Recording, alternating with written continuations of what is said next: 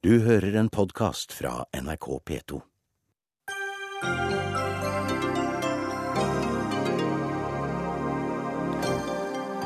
Det norske forsvaret er ikke egnet til å forsvare Norge, sier forsvarsekspert, og møter Forsvaret til debatt. Flåttsmitten kommer ikke fra skogen, men fra internett, sier tidligere helsetopp. Forkastelig, sier pårørende. Hvis vi må velge, blir det tog på Østlandet, ikke vei på Vestlandet, sier Forbrukerrådet. Arrogant sagt, mener Frp. Partiet Rødt får 200 000 kroner av LO. En historisk anerkjennelse, ifølge partiet. Nå ja, svarer LO.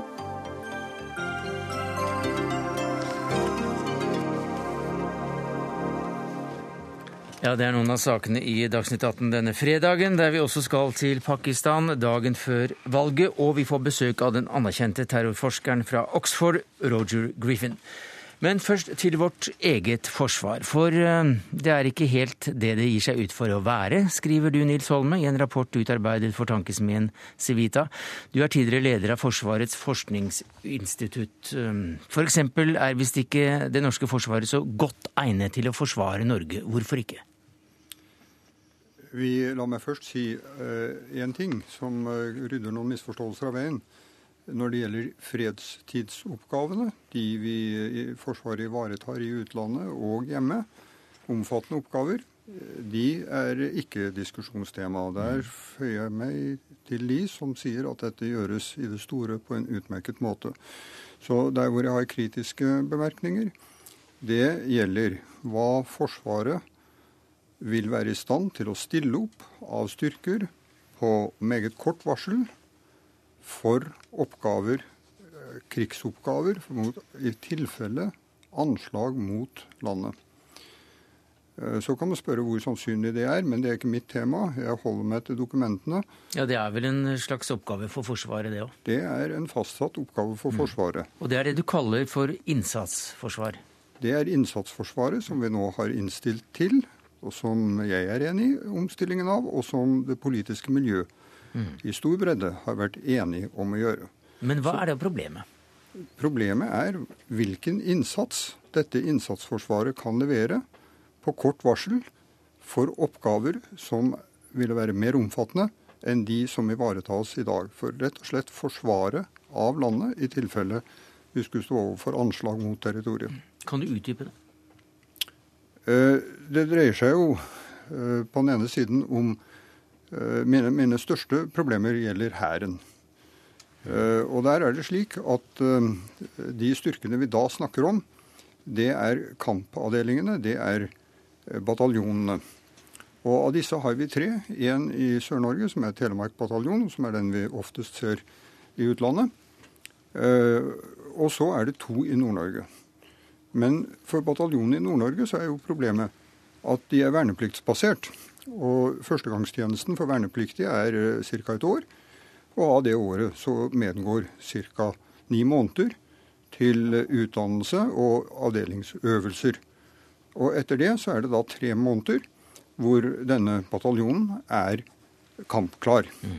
Så har vi to bataljoner som altså da er litt tidsforskjøvet i innkalling, slik at sammenlagt har Hæren oppsatte kampavdelinger på bataljonsnivå bare seks To ganger tre måneder. Seks måneder i året. Ja, Så halve året så fungerer ikke dette? Så, så eh, ser det ut da, for en utenforstående til at uh, innsatsstyrken er eh, meget begrenset i sin kapasitet, ja. Både i omfang og hva de er øvet for å ivareta. Ja, Betyr det også at det ikke er noen innsatsstyrke fra Hærens side i halvparten av året, så å si? Vel, det kan se sånn ut. Det kommer jo litt an på hvilke krav man stiller til den innsatsstyrken. Men jeg har vanskelig for å se at man på et lavere nivå enn en bataljon eh, kan utrette noe nevneverdig. Spesielt ikke i forhold til en eh, såkalt høyintensitetsmotstander. En velutrustet, moderne eh, motstander som har hele spekteret av teknologi, her, sjø og luft, til støtte for seg. Så må vi stille på samme kvalitetsnivå. Og, og, da er det disse betraktningene kommer inn. Men bare for å, å, gjøre det helt klart også, hva slags angrep ser vi da for oss som, som det som et scenario vi, vi jobber med?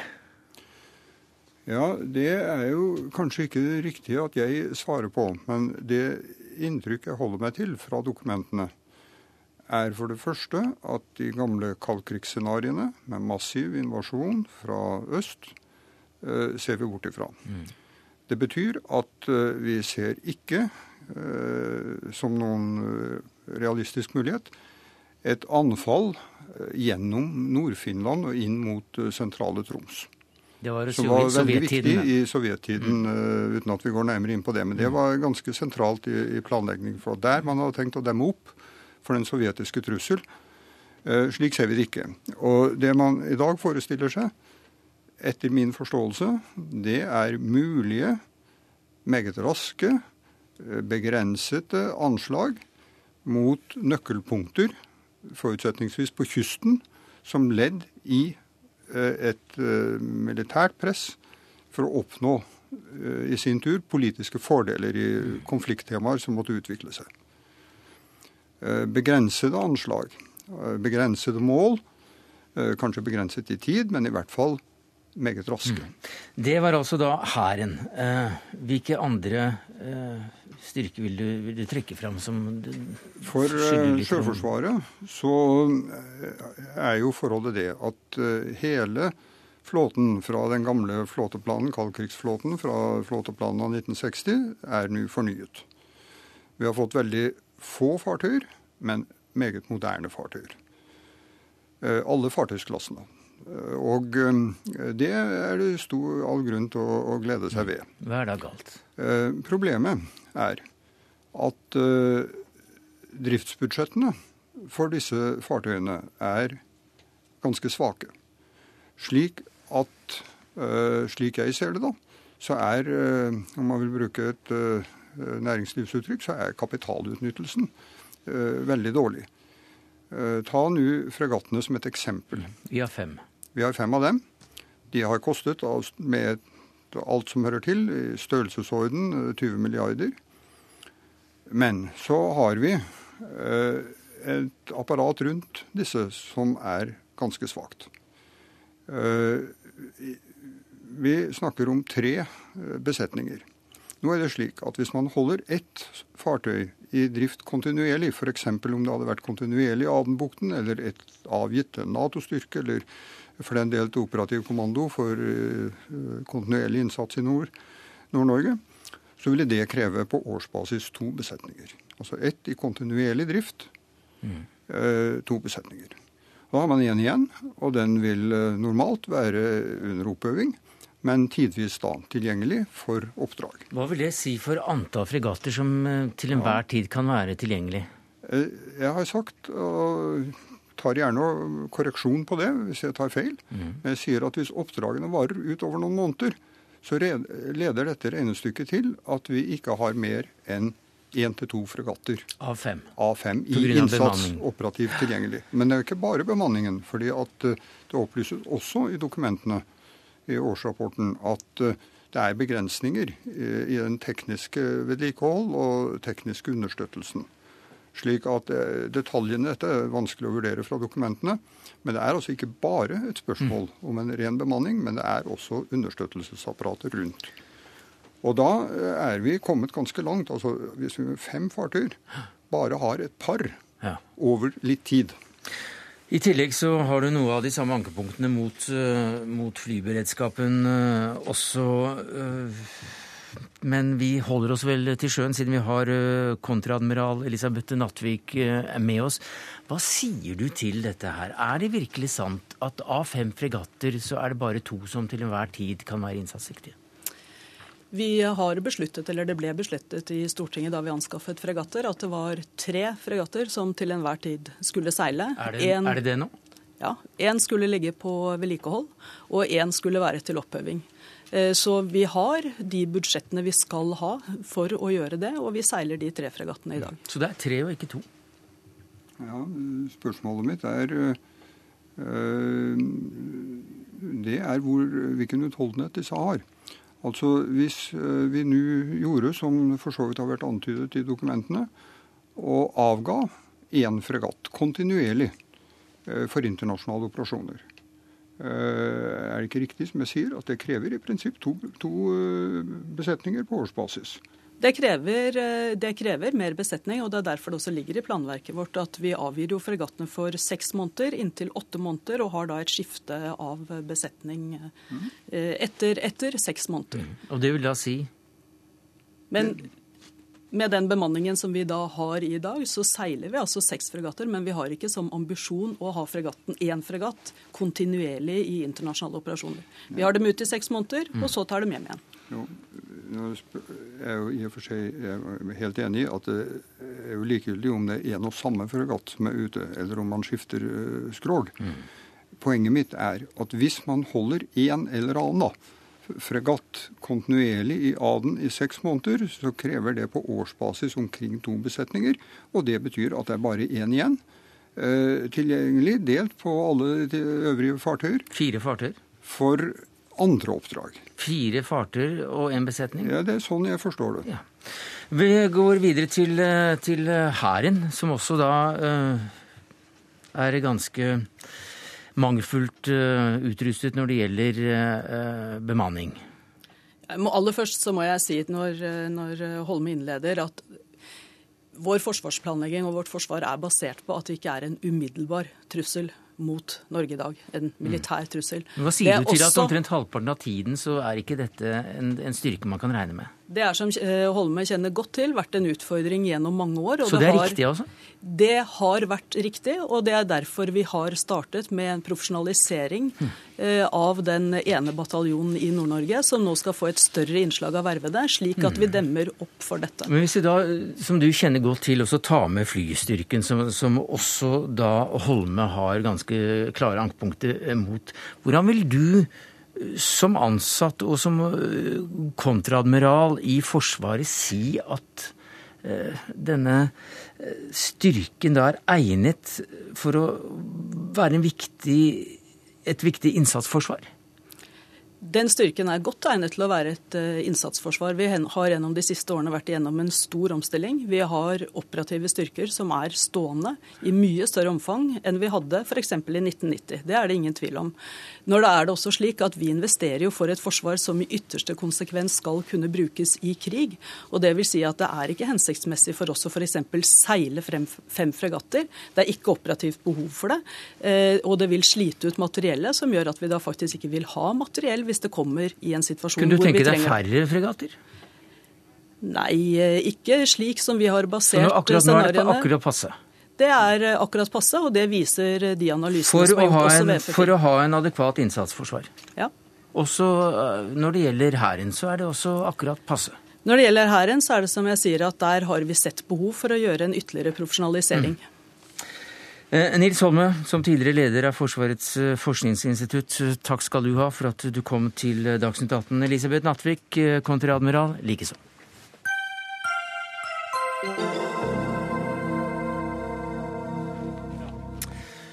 For en uke siden bevilget LO-kongressen vel 8 millioner kroner til de rød-grønne partiene, men større oppmerksomhet fikk det at partiet Rødt også fikk valgkampstøtte. Og Bjørnar Moxnes, hva ser du dette vedtaket som et uttrykk for? Du er leder av partiet.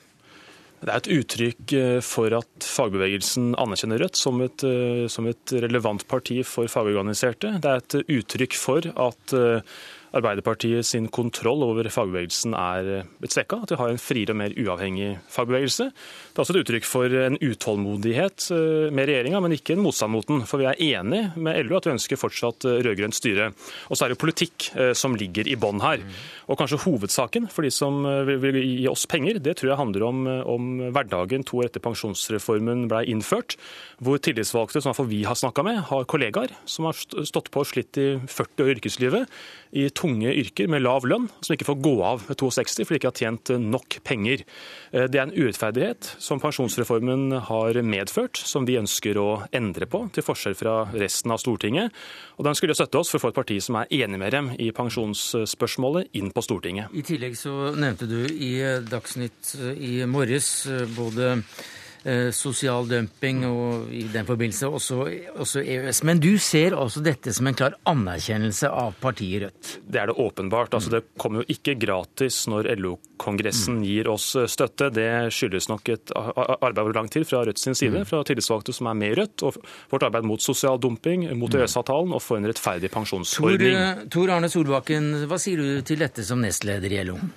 Nei, eh, det blir jo dratt veldig langt, da. Det som jeg, jeg tror at dette eh, i første rekke dreier seg om, det er at det er mange dyktige tillitsvalgte som er medlemmer av Rødt, og som gjør en god jobb ute i eh, bedriftene. En klar anerkjennelse av partiet Rødt i LO? Nei, jeg vil ikke gå så langt som å si at det er en klar anerkjennelse av partiet Rødt i LO. Det Hvorfor gir de da 200 000 kroner til partiet hvis ikke det er en klar anerkjennelse? Ja, så Kongressens flertall ville gjøre det, og det skal Er ikke det en anerkjennelse? Nei, det er en, jo, det er en anerkjennelse til de tillitsvalgte ute, men det er ikke noe spesielt anerkjennelse til partiet Rødt. For de mm. standpunktene som partiet Rødt står for, de ble nedstemt mm. på Kongressen. Mm. Absolutt alle sammen. Hva sier du til det? Og det er 2 av LOs medlemmer som sier de skal stemme Rødt. Jeg tror at grunnplanet i LO er kanskje litt uenig med, med Solbakken akkurat her. Husk på at 44 eh, av delegatene stemte for et vedtak nå i helga på Kongressen som i realiteten var å erklære full krig mot pensjonsreformen, som Arbeiderpartiet og Høyre er skjønt enige om. Og Grunnen til det det er at folk som har stått på arbeidslivet i mange år, nå blir nekta å gå av ved 62 år. Og det skal da finansiere eh, gullpensjon for de som kan stå i jobb til de er nærmere 70 år. Og det er ikke hjelpepleiere, det er ikke sjåfører og servitører og industriarbeidere. Det er de som har mm. behagelige yrker, fysisk lite slitsomme, til høy lønn. De får gullpensjon, så får sliterne elendig pensjon. Det vil vi gjøre noe med, og der er Rødt enig med grunnplanet i LO. Det er jo bare en eh, fullstendig vrangforestilling av hele AFP-ordningen. Og eh, Vi hadde jo en eh, endring i AFP-ordningen i 2008 som var ute til uravstemning og fikk et dundrende flertall. Det var en bortover 80 eh, ja-stemmer. Og Vi skal gjøre den ordningen enda bedre.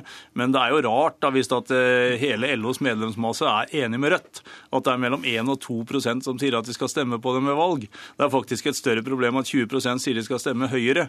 Og jeg tror ikke det at vi kan trekke den konklusjonen at LOs medlemmer er enige med Høyre av den grunn. Men det, det, stemmer jo Solbakken, det stemmer jo at du har to- og seksåringer. Dette er særlig folk som har jobba deltid. Mange kvinner særlig. Som har tjent for lite til å få lov til å gå av som to- og seksåringer. Ja, altså Kroppen er, utslitt, og de får ikke gå av pga. pensjonsreformen. Det er urettferdig. No, noen, ja, Det er vi i ferd med å ordne. Noen, noe av det er fordi at vi var med og løfta minstepensjon til 2G, altså dobbelt av grunnbeløpet. Og mm. Da ble det litt vanskeligere å komme over den uh, lista. Det skal vi få på plass. Mm. Men å begynne å, å ha de lidelseshistoriene om pensjonen som Rødt disse, har, det er bare Disse antall G-ene det er ikke tema i dag, Torbjørn Røe Isaksen, stortingsrepresentant for Høyre. Vi hørte også da at nestlederen her si at det er en større fare at, at Høyre får 20% av stemmene. Men dere får ikke en krone. Og du har tidligere uttalt at det er litt pussig at da partiet Rødt for 200 000 kroner. Jeg korrigerer en ting, og det er at det er 25 cirka på LOs interne målinger som mm. sier at de kunne tenke seg å stemme Høyre, og så blir det enda mer hvis man, hvis man tar med de andre ikke-sosialistiske partiene også. Men, men, LO er jo en demokratisk organisasjon, så de må jo gi pengene sine til akkurat de de vil. Ja, men, det er ikke det vi har snakket om. Men, nei, du, men jeg synes det, det, pussy, det, ja, for det som er pussig, det er at man på en LO-kongress først liksom avfeier Høyre som et radikalt parti, som var et sitat et parti, radikalt parti da, som én av fem LO-medlemmer sier at de snuser på muligheten til å stemme for. Og så gir man da 200 000 kroner til et parti som har 2% oppslutning, og som bare som mener da altså Én ting er at de er mot pensjonsforliket, at de er mot EØS-avtalen, å melde ut Norge av EØS, som betyr lukka dør for nesten alle norske private bedrifter. Som mener at all inntekt over 1,5 millioner skal konfiskeres, mm. og som mener at Statoil er et imperialistisk instrument. Vi kan ikke dra hele Nei, men Man kan jo lure på hvor, hvor mye av arbeidsliv det vil bli mm. igjen å beskytte da, hvis man mm. skulle gjennomført Rødt sin politikk. Hva sier du til det som nestleder i LO? Altså, det er jo... Eh, det er et demokratisk fatta vedtak på å gi 200 000 til Rødt, og de pengene skal de selvfølgelig få. Men det er like fullt så er det et inkonsekvent vedtak. for at hele den faglige... Så er, du er mot vedtaket? Ja, jeg stemte imot, det er ikke noe hemmelighet. Nei. Det er et inkonsekvent eh, vedtak, for at hele den faglig politiske uttalelsen bygger opp til og konkluderer med at LO og LOs medlemmer er tjent med en fortsatt rød-grønn regjering. Og da er det inkonsekvent å bevilge mm. penger til et parti som ikke er med i det samarbeidet. Men sjekk, du, tar, du, tar, du, tar, avstand fra ditt, din egen kongress? Nei, jeg tar ikke avstand fra kongressen. Jeg bare sier at de fatta et inkonsekvent vedtak. Men pengene skal de få. Det som er interessant, er at forslaget ble faktisk fremma bl.a. av en Arbeiderparti-medlem, altså LO-organisert fra Vestlandet, som ønska å gi Rødt penger. Og Det er bl.a. fordi at eh, mange også i Arbeiderpartiet og SV ser jo at eh, med Rødt på Stortinget så kan vi dra regjeringa i en både rødere og grønnere retning. Vi vil jo støtte en ny rød-grønn regjering, men vi vil også holde da Torbjørn og Co. ute av regjeringskontorene.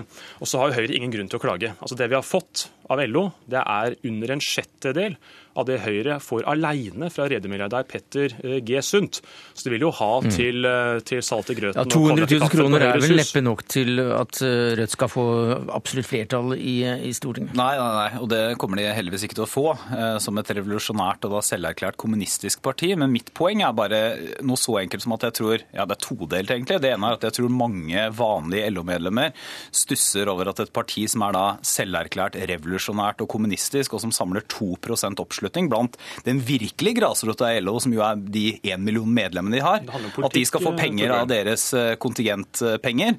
Og det andre er at det er rart at man beskriver Høyre som et radikalt parti, når et parti da som sier at man skal konfiskere all inntekt over halvannen million, og som ikke engang har reflektert over hva det vil bety for private arbeidsplasser i Norge. Klart at Det blir ikke mange som putter penger inn i norsk industri hvis all inntekt over halvannen million skal tas av staten. For det første så er det veldig få av LOs medlemmer som er i fare for å bikke halvannen million kroner umiddelbart inntekt, i hvert fall. Og så er det sånn at Man spør LOs medlem og tillitsvalgte hva som er den viktigste saken. Det har man gjort i store undersøkelser, både blant 30 000 medlemmer og 2300 tillitsvalgte.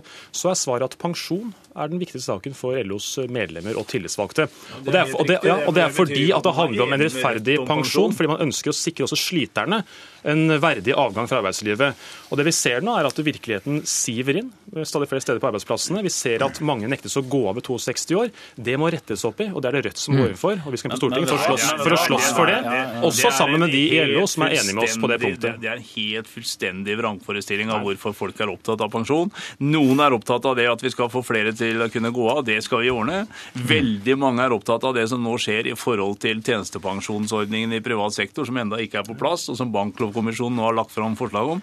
Mange er opptatt av hva som skal skje med tjenestepensjonsordningene i offentlig sektor, der det ikke er sluttført. Det er en rekke spørsmål men, som til sammen gir at pensjon er det viktigste. Og, det og, og der er vi tilbake inn til alle ja. genene. Men, men eh, Moxnes, hva skal dere bruke alle pengene til? da? Moxnes Lille Røde skal trykkes opp i store opplag, eller? Altså, Det vi har rutte med totalt sett, er jo, er jo piss. Jeg har jo fått hva Høyre har rutte med. jo, jo, men hva skal du bruke pengene til? Vi kommer til å bruke det Vi kommer til å bruke det på bl.a. å lage valgmateriell, informere mm. folk om Rødts veldig gode arbeidslivspolitikk, om en rettferdig pensjon for sliterne og flere andre gode saker. Takk skal du ha, uh, Bjørnar Moxnes, leder i Rødt, Torbjørn Røe Isaksen, stortingsrepresentant for Høyre, og Tor Arne Solbakken, nestleder i giverorganisasjonen LO.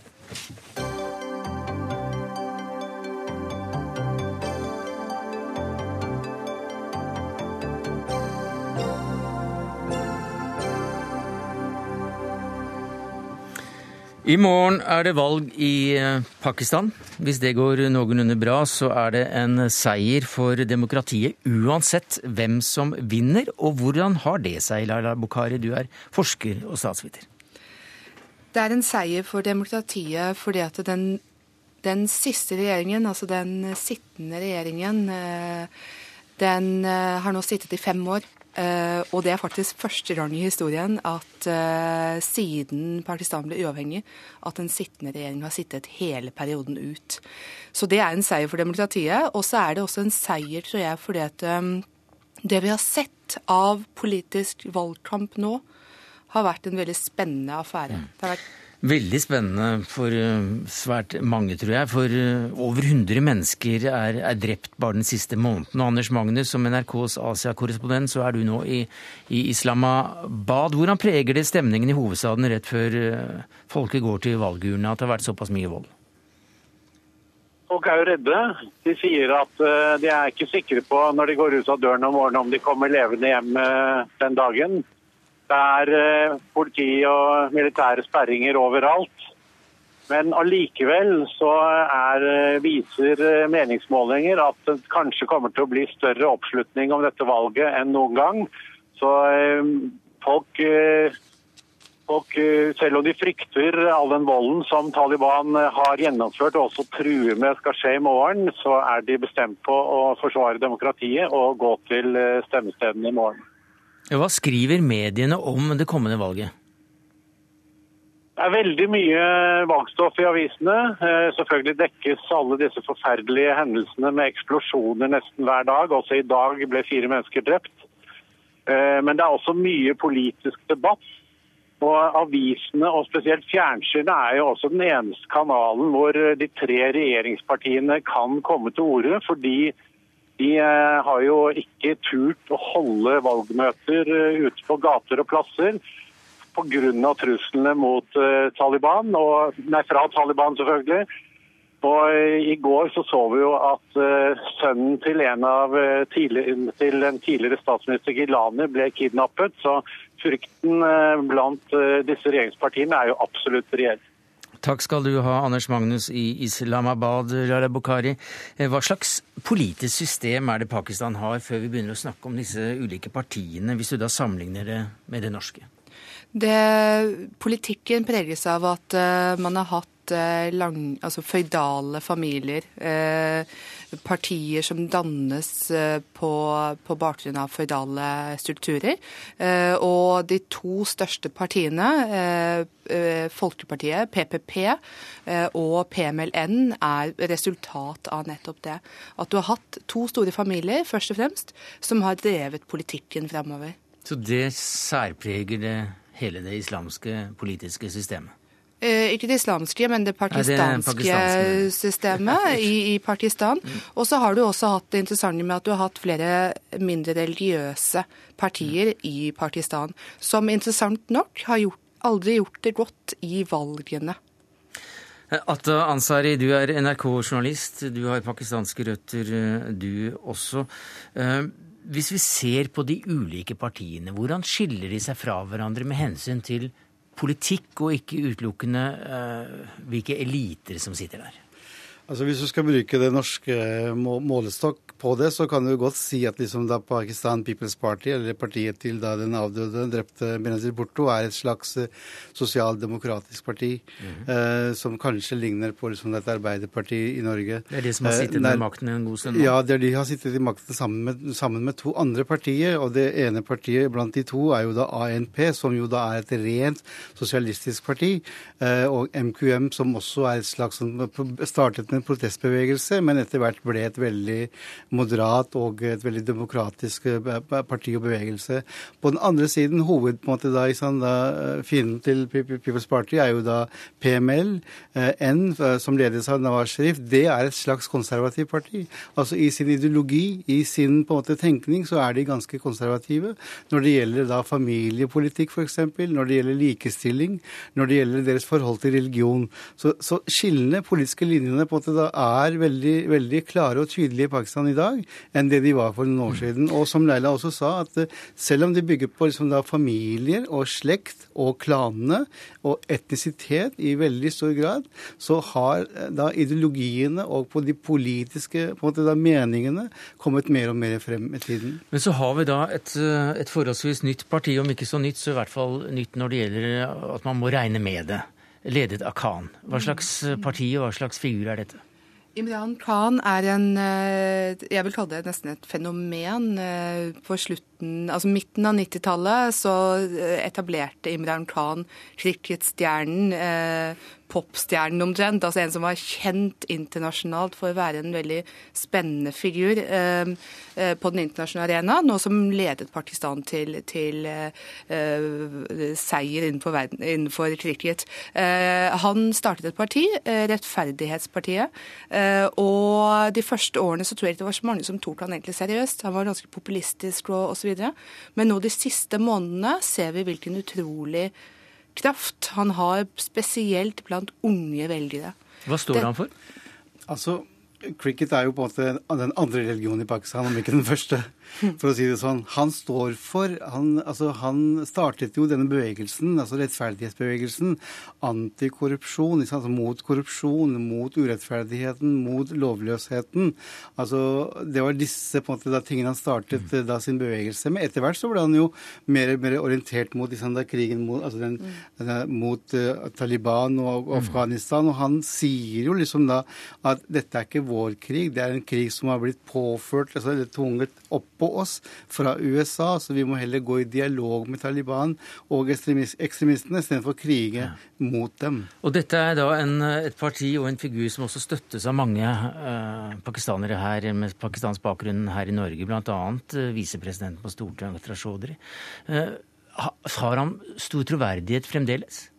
Han har, eh, ja, jeg forstår at det er mange i Vesten som eh, støtter mm. Imran Khan. Og det er mange unge som støtter Imran Khan. Det er mange unge velgere mellom 18 og 35 som sier de gir den støtten. Men hvorfor det, bortsett fra det at eh, han også har vært en fantastisk cricketspiller, noe som er svært viktig. Hva, hva, er, det han, mm. hva er det han vil?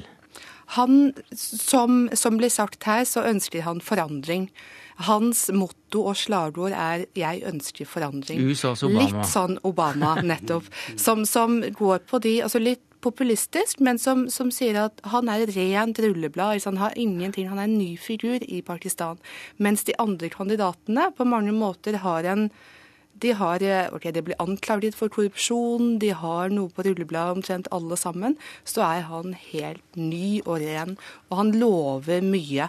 Spørsmålet er jo om, om, om folk tør å satse på en som ikke har den politiske erfaringen som de andre har. Nei, for En med stor politisk eh, erfaring er jo da lederen for, eh, for eh, PML, mm -hmm. som jo har vært statsminister. statsminister. tidligere. Mm og som nå er kommet tilbake etter flere år i utlendighet. Mm -hmm. hva slags figur er det?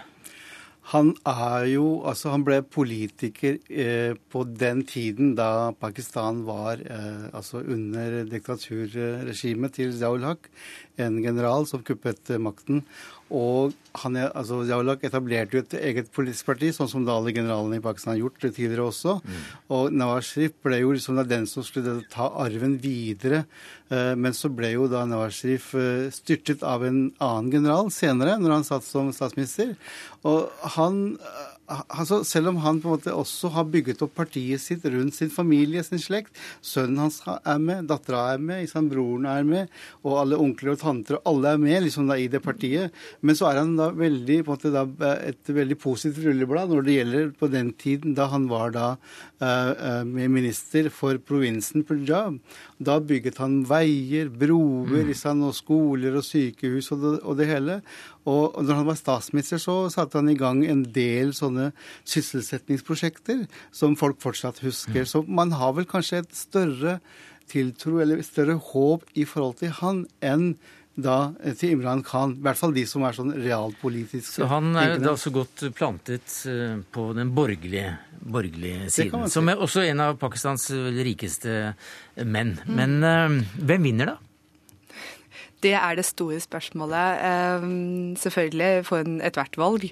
Um, en, Ifølge prognosene så ser vi at det er ganske 50-50, egentlig. Det kommer an på hvilke provinser man spør. Og Imran Khan er jo sterk i hans egen provins, som er uh, Khyber Pakhtunkhwa. Den er ikke så stor som Punjab? Som ikke er så stor som Punjab. Og det er jo det som er spennende. Altså, uh, Nawaz Sharif og PMLN er store i den store mm. provinsen Punjab. Har det noe å si? Hvem som vinner? Ja, For har, folk flest? Det har veldig mye å si. Altså Hvis på en måte Imran Khan ikke får en del da, plasser i parlamentet, så vil nok kanskje veldig mange unge velgere som vil være førstegangsvelgere, eh, kanskje føle seg veldig sveket og liksom da være veldig skuffet. Og én eh, ting er liksom på en måte denne konkurransen mellom da Nawaz Sharif og Imran Khan på den ene siden i Punjab, som er da selvfølgelig den viktigste provinsen. Men det viser seg også at Pakistan har ikke så veldig mange nasjonale partier. Disse partiene har hovedbase enten i Punjab mm. eller i, i Daisanda Pakhtunkhwa eller i Sind. Kanskje People's Party det, altså, tiden skal vise seg. Kanskje er People's Party det eneste partiet som fortsatt kan vinne, altså vinne seter i parlamentet fra alle provinsene. Det var det vi rakk om eh, valget i morgen. Eh, like spennende blir det altså om valgdeltakelsen virkelig blir så høy som antatt. Takk skal du ha, Laila Bokhari, norsk-pakistansk statsviter og forsker, Atta Ansari, kulturjournalist her i NRK.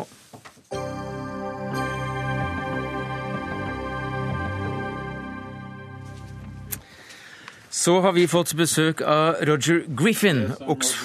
You are Roger Griffin. Welcome to Dagsnytt 18. Mr. Griffin. Thank you very much. Du er Oxford-professor, lenge anerkjent som en av de fremste på fascisme, nå aktuell med en bejublet bok om terrorisme. Uh, we were talking about uh, the election in Pakistan with terrorism and, and Taliban, more than 100 killed, suicide bombers. Uh, how will you explain the Taliban's eager in trying to undermine a more democratic development in, well, in Pakistan? Well, if you are uh, an Islamist fundamentalist, then any concession to a secular, pluralist, liberal society is an existential threat mm. to your whole worldview.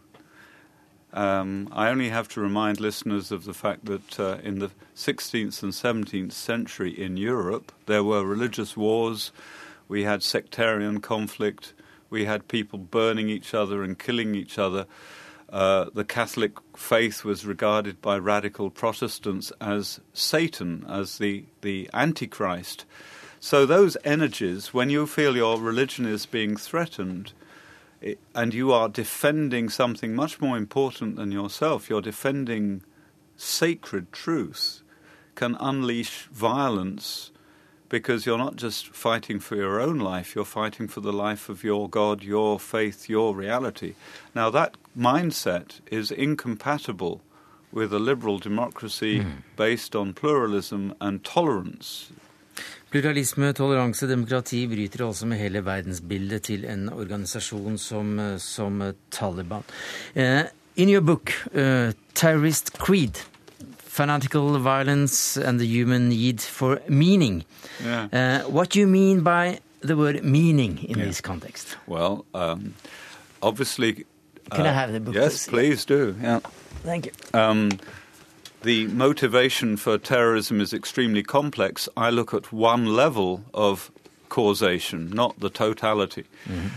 Uh, but I believe that a, a, neglected level of meaning, of, of, of explanation for terrorism, is that human beings have a need for a sense of purpose and, and a framework for their lives. Now, some people can live without that. And and and some people find meaning in all sorts of activities. Um, shopping, playing video games, travel, meeting people, whatever. And, and, our society has many addictions. But, but you are focusing on the motivation but, itself. But I'm focusing on the fact that some people in modern society, which confronts people with many, many realities, some people cannot handle all these realities. Mm. And a very small number of people in the West, but many more in traditional societies, feel so threatened by the experience of otherness, of plurality that they, they, they focus their sense of their need for meaning to a particular mission to save their sacred reality. That could be their homeland, so you get separatist terrorism, Tamil Tigers, ETA, IRA. It could be for a future utopia. You have anarchists, you have Bader Meinhof, you have people fighting mm-hmm. for some sort of future. If you are a, a Muslim who feels deeply threatened by Hindus or by secularists or by blasphemy or pornography, th- their mission is to save uh, the world from from evil, from from the, the fall, from uh, what's called fitna, you know, uh, and they will give their lives to this because their meaning in their own life has become identified with this bigger hmm. meaning. Mm. Nikolai Brandal, du er historiker ved Universitetet i Oslo og en av de som tok initiativet til å få Griffin på besøk her. Han snakker vel da om å få orden i, i et slags eh, kaos? Ja, absolutt. Og det er jo det kaoset som har oppstått i det moderne samfunnet. Mm. Når vi har gått fra et bondesamfunn der folk ble født et sted, vokste opp, levde hele livet sitt på den samme plassen, traff de samme mennesker, til å bli urbane mennesker som flytta inn til byene, bort fra de tradisjonelle banda vi har, de mellommenneskelige banda vi har. Og den det oppløsninga av, av de fellesskapene som oppstår i det moderne samfunnet. Modernitet. Ja. Eh, hva slags oppmerksomhet har Griffin fått for denne boka han har skrevet nå om terrorisme? Den har fått stadig mer oppmerksomhet etter at den ble ikke så, ikke så godt kjent helt med det samme, men særlig etter Boston-bombinga så har den blitt plukket opp i USA og, um, og, fått stadig mer interesse. Talking about the, the, the Boston bombs, uh, how, how does it fit? Well, I don't want to be simplistic. These are complicated things. But what struck me is that the American newspaper reaction was why? Why did they? Ha- why did it happen? Mm. Why did they do it? Well, we it's know why question. they did. Well, it's not. Well, they should know more now. Islamism is threatened by the West in general because it is pluralistic and secular and all these things. These two bombers were from a, an area of the world, Chechnya, Dagestan, in which the local Islam in the 1990s was Isla- Islamized. It became jihadized, so that they weren't just fighting for Chechnya, they were fighting a, on a local front for Islam as a global force. They were mm. fighting for a global caliphate. When these people came to Boston and one of the brothers went home and was radicalized, they're living in Boston.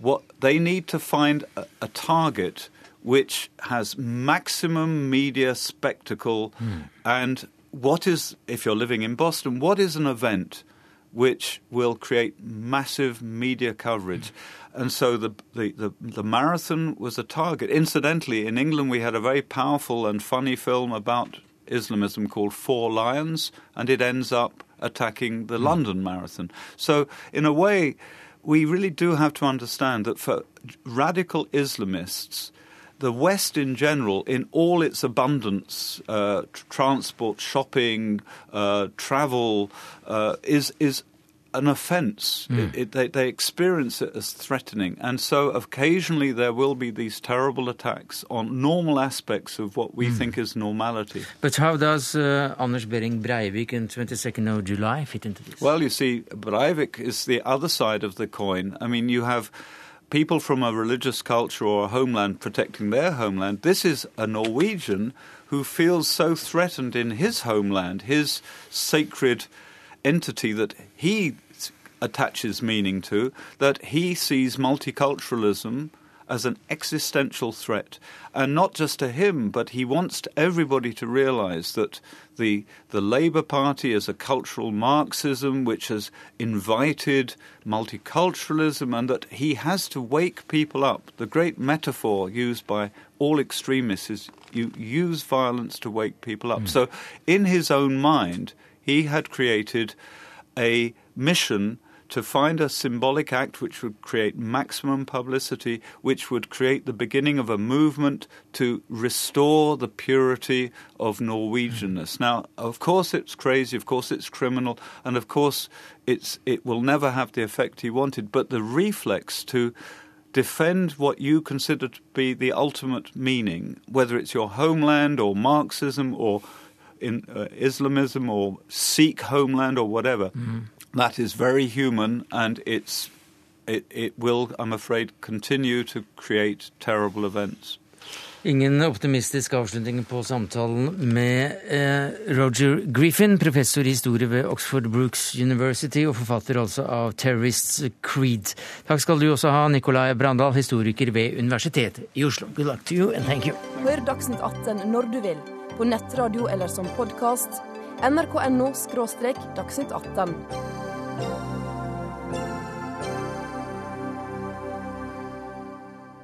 Så til dagens demonstrasjon foran Stortinget. Vi trenger hjelp nå! Vi trenger hjelp nå! Vi trenger hjelp nå! Vi trenger hjelp nå! Og det flere hundre mennesker forlangte hjelp til nå, det var til hva, Veronica Simmer? Du er koordinator for denne flotte demonstrasjonen. Det var til en rettferdig og offentlig utredning av de flåttrammede nå, rett og slett. Ja, Hva innebærer det? Det innebærer at eh, vi får flere testmetoder tilgjengelig for de som mener seg rammet av flåttbårne sykdommer. Og når jeg sier flåttbårne sykdommer, så er det mer enn borreliose. Fordi flåtten tar med seg flere mikroorganismer enn borrelia.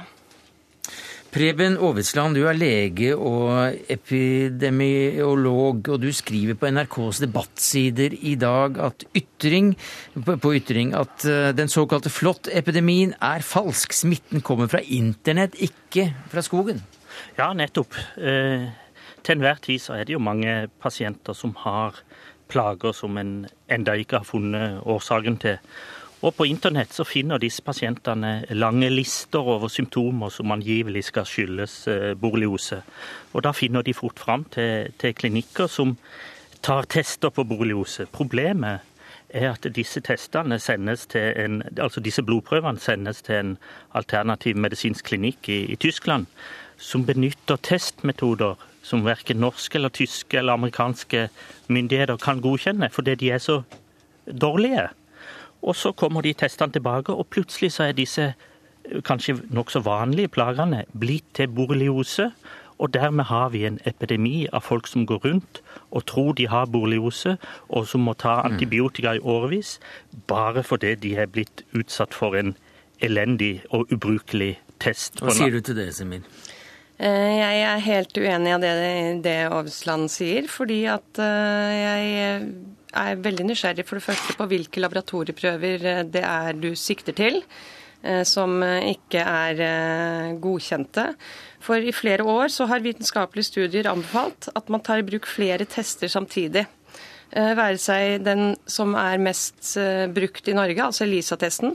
Western blot-testen. Altså vi bryter faktisk internasjonale retningslinjer ved ikke å bruke Western blot-testen og blodkultur, altså mikroskopi, med påfølgende mm. PCR, altså DNA-analyse. Det, blir veldig teknisk, som du hører, Veronica Simmer. Men denne flotte epidemien den er også falsk. Den kommer fra internett, ikke fra skogen.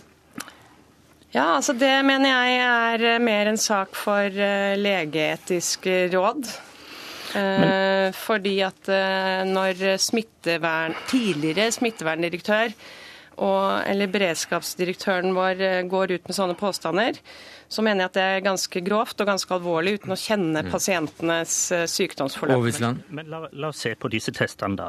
Over hele verden så anbefales ELISA-testing som grunnlaget, mens eh, enkelte privatklinikker bruker et par andre tester som eh, ikke er godkjent, ikke anbefalt, og som er svært usikre. Og Det er disse testene som stadig slår ut hos pasienter, som Lars Monsen, da, og som da påfører folk en diagnose, og angivelig da som trenger månedsvis, årevis med antibiotika til og med intravenøs antibiotika.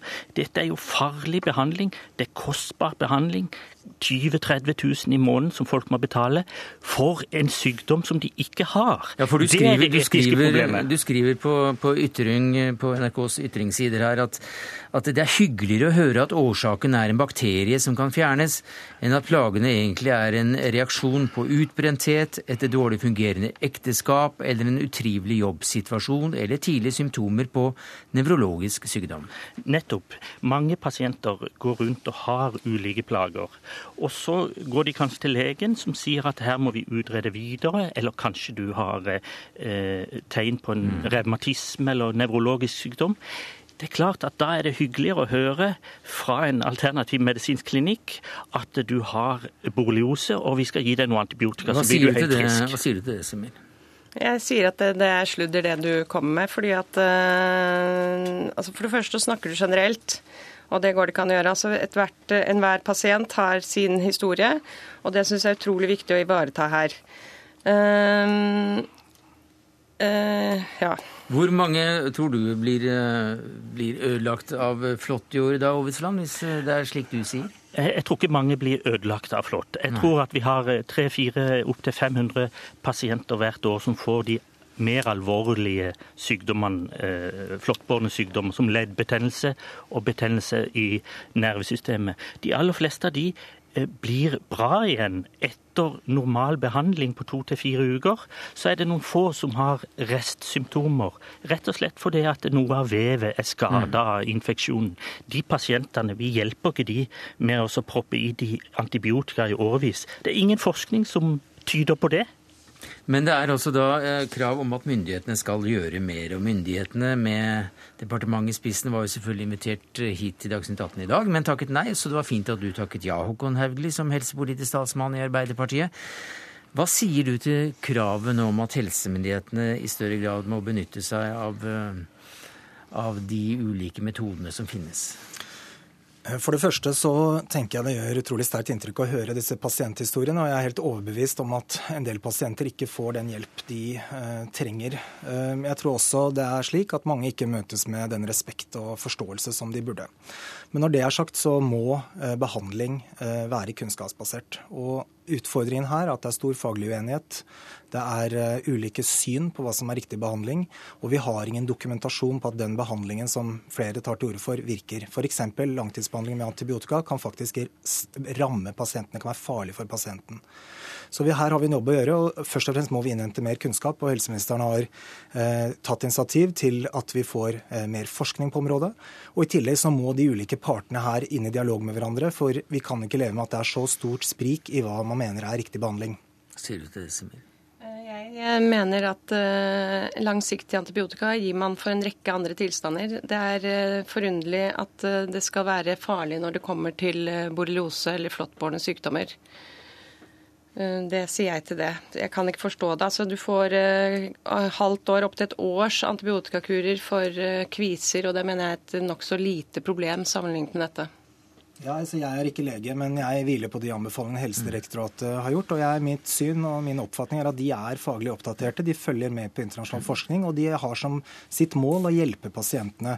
Det er ikke et uttrykk for politisk prioritering at disse pasientene eh, ikke får den hjelpen de mener de har krav på. Tvert imot. Jeg tror alle er opptatt av at de skal få god hjelp og har stor forståelse for deres situasjon. Spørsmålet er hva som er riktig hjelp, og da må vi hvile på eh, fagfolks anbefalinger. Aavitsland, du er jo fagfolk. Ja, la meg bare kommentere det. Selvfølgelig, vi må ta pasientene på alvor. Og det er helt opplagt her at det er en del pasienter som føler de ikke får den hjelpa de skal, verken av fastlegen eller sykehuset sitt. Dette må vi ta på alvor. Og de symptomene de har, de, de, de er jo der. De er reelle. Men det er diagnosen som, som, det er diskusjon om. Og diagnosen her er, er noe objektivt. Det er ikke noe pasienten kan bestemme sjøl. Der må vi bygge på de anerkjente metoder som finnes, og ikke gjøre det verre. Vi hjelper jo ikke pasientene med å påføre de en falsk diagnose, og deretter et år med antibiotika. Veronica Simmer, kort til slutt. Hvordan vil du jobbe videre, dere jobbe videre med denne saken? Eh, vi vil jobbe videre for, at, for de som virkelig trenger hjelpen. Altså, for det første så må alle få tidligere behandling. Det er veldig viktig. Da må vi ha bedre testing. Nå, nå eh, nikker politikeren ved siden av deg på hodet. Det er jeg veldig glad for. Mm. De vi faktisk snakker om her, det er de som har kommet for sent til behandling. De har vi ingen retningslinjer for. Det er en tragedie. Når barn ligger hjemme på rommene sine og ikke har kommet til behandling på halvannet år med flåttsykdom, så blir de faktisk ikke bra av tre ukers antibiotikabehandling. Eh, vi har forskning på Vi har faktisk en del forskning. Så det er ikke helt riktig det vi sier at det ikke er forskning. Det fins faktisk forskning på at den behandlingen som vi gir for det meste i Norge i dag, altså doxylin, den tar ikke systestadiet av borrelia-bakterien. Altså den som gjør at du er kronisk syk. Du har selv en sønn som ble syk etter flåttbitt. Det er vel derfor du har engasjert deg særlig i dette, som koordinator for denne demonstrasjonen. Takk skal du ha for at du kom, Veronica Simmer. Håkon Haugli, helsepolitisk talsmann i Arbeiderpartiet, takk skal du ha. Og takk til Preben Aavitsland, lege og epidemiolog.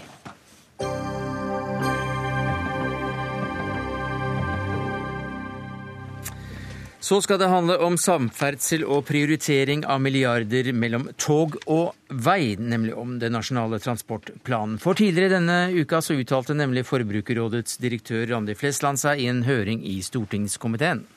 Vi skulle veldig gjerne jobbet med mange ting, også bilister, men vi har jo da en overordnet målsetning på bærekraftig forbruk. Eh, og må da velge innenfor den hatten, og hvor vi ser at den største effekten da kan komme for forbrukerne. Og Derfor så har vi et fokus da primært på tog og primært på pendlerne. Og til Dagsnytt i dag morges kalte du dette arrogant, samferdselspolitisk talsmann i Frp, Bård Hoksrud. Hva er det som er så arrogant med dette? Jeg syns det er veldig spesielt at Forbrukerrådet, som tross alt har ansvaret for forbrukerne i hele landet, så eh, arrogant bare sier at det er bare intercitytriangelet. Jeg er veldig enig i at intercitytriangelet er viktig, jeg er enig i at det skal være ferdig i 2025. Men et forbrukerråd med altså bilistene er også en forbrukere som har krav på å bli hørt. Det er folk som kjører buss som er, som er, er forbrukere og har krav på å bli, bli hørt og tatt med. Jeg syns det er rart at ikke Forbrukerrådet også tar med de inn når man skal spille inn for Stortingets transportkomité hva som er viktig med NTP. Hva sier du til det direktør i Forbrukerrådet, Randi Flesland? Det er helt riktig at vi jobber for alle forbrukere i Norge. Virket vi... kanskje ikke sånn når du uttalte deg om å, transportplanen? Å jo da. Vi får minst 100 000 henvendelser, over 10 000 på bil, så bilistene blir godt ivaretatt i Forbrukerrådet. Og vi har også andre ting vi tok opp med NTP som gjaldt hele landet. Men hva sier du til den kritikken som kommer? Nei, Det går på at vi prioriterer pendlerne. Fordi Det er kjempeviktig at de skal komme seg på jobb, de skal komme hjem i barnehagen og hente barna sine. Og i øyeblikket de som har mest utfordringer, det er pendlerne på Østlandet. Vi vet det er en stor befolkningsvekst. Du kan ikke veibygge deg ut av det. Transportsystemet er allerede sprengt. Det smarteste er å få mm. til et dobbeltspor, folk kan være på toget, og det gir mer plass også på veiene. Det, det, det er bra med intercity og full intercityutbygging, det er vi veldig enige om. Men vi må ha flere tanker i huet på en gang. Jeg syns det er rart at Forbrukerrådet, som altså de, også bilistene er forbrukere, og de skal nå også få nesten 100 milliarder kroner i bompenger, pluss innkrevingskostnader og rentekostnader på toppen av det. Hvor er Forbrukerrådet der? De burde jo ment noe om det i NTP. Nå hører jeg en stortingsrepresentant som prøver å skyve prioriteringsproblematikken over på Forbrukerrådet. Vi er så heldige, vi er en interesseorganisasjon organisasjon som bare kan stille krav på vegne av pendlerne. Og så er det faktisk Stortinget som må bestemme seg hvordan de prioriterer mellom de forskjellige aktørene. Ut fra råd fra f.eks. For Forbrukerrådet? For eksempel, og det vi sier er jo ikke annet enn at intercityutbyggingen må være klar til 2025. Det er Fremskrittspartiet helt enig i, istedenfor at det sånn som det står i NTP, det kanskje blir ferdig i 2030. Mm. Her må vi være raske, komme fort på banen. Ja, og det, men ikke sant, Poenget er, og, og som jeg også syns er viktig at Forbrukerrådet mener noe om når de kommer til Stortinget, på samme måte som andre organisasjoner har masse ting de ønsker å, å spille inn, og så har vi noen prioriterte eh, lister på det. Vi har altså eh, Forbi Hamar så har vi Åkersvika, 43 km, en av Norges mest ulykkesutsatte strekninger. Og Forbrukerrådet mener ingenting om det. Den er skyvet ut til 2018. 52 mennesker har mista livet der siden 1994. Men er det ikke flott at vi kommer med få og enkle budskap? Kjempeklare. Vi hadde tre budskap. Intercity ferdig i 2025. Vedlikehold, drift og vedlikehold på jernbanen, øke det, sånn at vi får til bedre punktlighet og bedre kapasitet. Veldig greit. Og sykkel- og gangstier. Helt klare budskap. Og det er kjempefint for dere å forholde dere til. Og prioriteringen Lykke til. Veldig bra. Det er partipolitikk. det er veldig bra, Rani Flesland. Men jeg skjønner veldig godt at folk i resten av landet da reagerer på dette her. Det er, mange, altså det er jo faktisk sånn at 60% av alle kollektivreisende de kjører med buss. De kjører ikke med toget og jernbanen. Det mener ikke Forbrukerrådet noen ting om. Prisen på buss Vi ser nå altså Nettbuss er i ferd med å gjøre om konseptene sine på ekspressbusstilbudet f.eks., som har vært et kjempetilbud med stor økning, må nå gå nedover. Mm. Det er jo ting som også, da, hvis man er opptatt av pendlerne Det er masse pendlere ja. som ikke bruker jernbane, som bruker andre transportmidler. Og jeg syns det er bra, som sagt. Jeg er ikke noe uenig i at dere kommer med de innspillene dere gjør, men jeg syns at dere burde Dere burde jo vært litt mer flotte da, og krevd mer når dere først kommer til Stortingets ja, transportkomité. Ja, men du, det skal jeg ta med oss. At vi skal kreve enda mer. Det, det lover bra for fremtiden. F.eks. muligens firefelts motorvei til Bamble. Ja, det hadde vært veldig bra. Som er din, din hjemtrakter. Men, eh, men, Flesland, du var jo da tidligere visekonsernsjef i NSB. Ja. Og nå støtter du tog for alt det har vært. Ja. Er det noen men, sammenheng her? Nei, men vi har alle en fortid som vi har lært av. Eh, og det dette handler om, er jo å ta et helhetsgrep om trafikken på Østlandet. For du kan faktisk ikke ta den befolkningsveksten med en seksfelts motorvei inn i Oslo og svære parkeringshus. Så det eneste kloke er å ta det på jernbanen, den store mengden, sånn at du frigjør plass på mm. veien. Og det må man kunne se uansett hvor man har jobbet eh, tidligere. Og så er det faktisk ikke bare på Østlandet som ligger i NTP. Pendlerne også rundt de andre store byene får også sitt. Stavanger har allerede fått sitt. Jærbanen er en Mm. suksess der man har satset. Det skjer noe i Bergen, det skjer noe rundt Trondheim. Så her ligger det noe for enhver del av landet, og det er veldig Tele positivt. Telemark også. ja, vi får håpe det.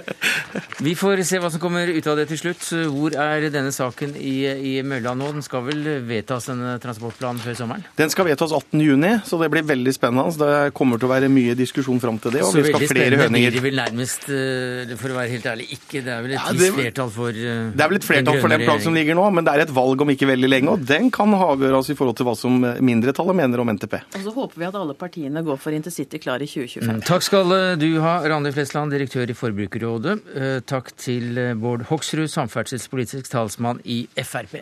Det var det vi rakk i Dagsnytt 18 i dag, takket være Siri Storstein Hytten, Beate Haugtrø og Sverre Tom Radøy. Du har hørt en podkast fra NRK P2.